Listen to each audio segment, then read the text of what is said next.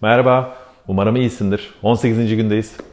Ve biliyorum ki bazı insanlar 18'e gelene kadar bayağı yoruluyorlar. Kendinle çalışmak çünkü yorucu bir iş. Bu süreçte biraz dinlen, ağırdan al. Bazı videoları birkaç gün sonra seyredebilirsin.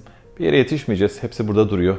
Belki de bu 30 günlük süreci sen 60 gün ya da 90 gün gibi alabilirsin. Bu da senin tutumun olabilir. Bugün tutumlardan bahsedeceğim. Tutum senin bir şeye yönelik hissetme veya düşünme tarzın demek. Mesela bir restorana gittiğinde oradaki çalışanlara davranma şeklin senin tutumun aslında. Senin o insanlarla ilgili düşünce ve hislerini belli ediyor. Aynı şekilde ilişkilerindeki insanlara davranma tarzın ve tabii kendine yaklaşım tarzında tutumlarını belli ediyor. Tutumlar uzun vadede davranışa dönüşüyorlar. Tekrar edildikçe senin karakterini evrip çeviriyorlar ve bir süre sonra katılaşmaya başlıyorlar. Değişirler mi? Değişirler. Ama önce onları fark edip bir motivasyon yaratmamız gerekiyor. Tutumları bölersek iki gruba ayırabiliriz temelde tıpkı duygular gibi. Bir tarafta korkuya dayalı tutumlar var. Örneğin bazı insanlar hayata büyük bir korkuyla yaklaşıyor. Bu korku olduğu zaman yoluna çıkan engeller büyük bir öfke yaratıyor. Daha sabırsız oluyorlar veya sevdiklerini kırmaya başlıyorlar. Bunu haklı görüyor bazı insanlar. Çünkü içinde ne olup bittiğinin farkında değil. Bazıları yine bu öfkenin altında eksiklik zihniyetiyle yaşıyor. Bu yetersizlik, değersizlik, ben yapamam yani bir şekilde kendi gücünü sahiplenememek demek. Çünkü içeriğiyle tam anlamıyla hissetmiyor, kaplamıyoruz. Ve hayatın içinde daha ürkek ve zayıf durmak bize normalmiş gibi geliyor. Bir süre sonra ne hayata ne kendimize güveniyoruz ve ondan sonra olanlar oluyor.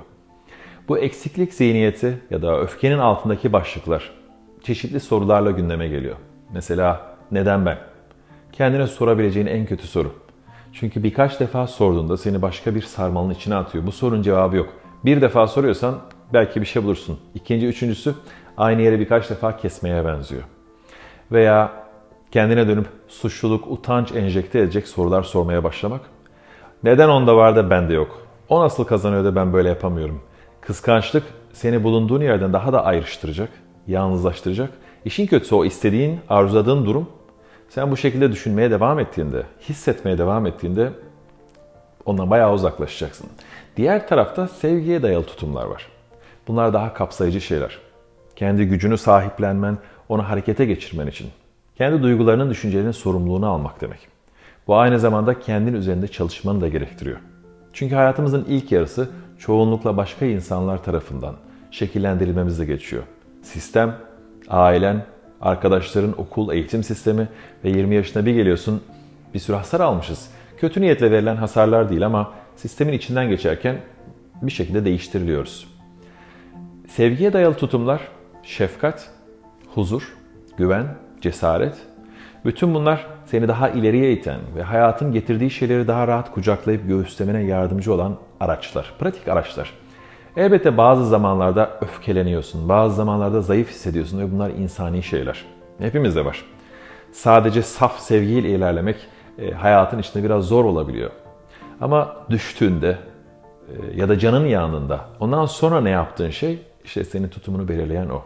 Muhammed Ali bir boks maçına hazırlanırken BBC'den bir muhabir soru soruyor. Diyor ki her gün her antrenmanda kaç tane mekik çekiyorsun? Muhammed Ali duruyor ve adama dönüp diyor ki ben sadece ağrımaya başladıktan sonra sayıyorum. Onun zihninde hayatının o anlarını iyi geçirip sonrasında bir şampiyon gibi yaşamak var. Bu onun tutumunu gösteriyor bize. Benzer bir şey Arnold Schwarzenegger bir e, şampiyona öncesi salona girdiğinde söylüyor. Diyor ki oradaki insanlara baktığımda aşağı yukarı hangisinin ilk üçe girebileceğini anlayabiliyorum. Bazıları canı acıdığı zaman geri çekiliyor ve köşede başka bir bahane buluyor. Kimisi tekrar atılıyor ve tekrar atılıyor.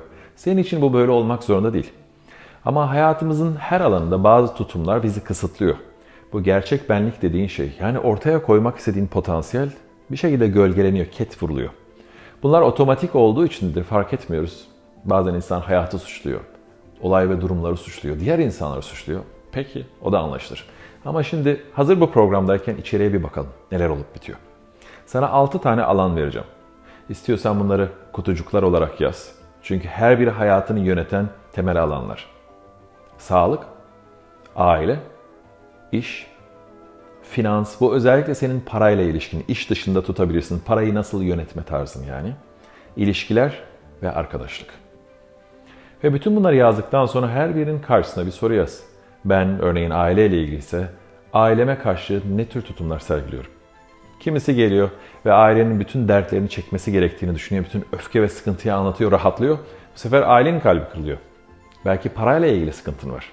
Para eline geliyor ve birdenbire gidiveriyor. Çünkü parayı yönetmeyi bilmiyorsun. Belki de ilişkilerinde sıkıntı yaşıyorsun. Bazı insanlar diğerini manipüle ediyorlar ilişkilerinde. Bazıları manipüle oluyor. Hayır demek onlar için büyük bir problem. Ya da sevgiyi göstermek, göstermemek, sevgiyi almak, sevgiyi vermek. Oradaki tutumlarını bir gözden geçir. Böylece hayatın içinde ne yaptığınla ilgili daha büyük bir farkındalığa kavuşabilirsin. Amaç hayatı yönetmek değil, böyle bir şey zaten yok. Amaç kendi içinde seni memnun edecek, hayatla bağlantı kurmaya başlamak, kendinin en iyisini hayata vermek ve tabii hayattan da en iyisini almaya başlamak. Bunlar tutumlar. Sormak istediğin bir şey varsa lütfen yorumlara yaz ve videoyu beğendiysen paylaş. Kendine iyi bak. Görüşmek üzere.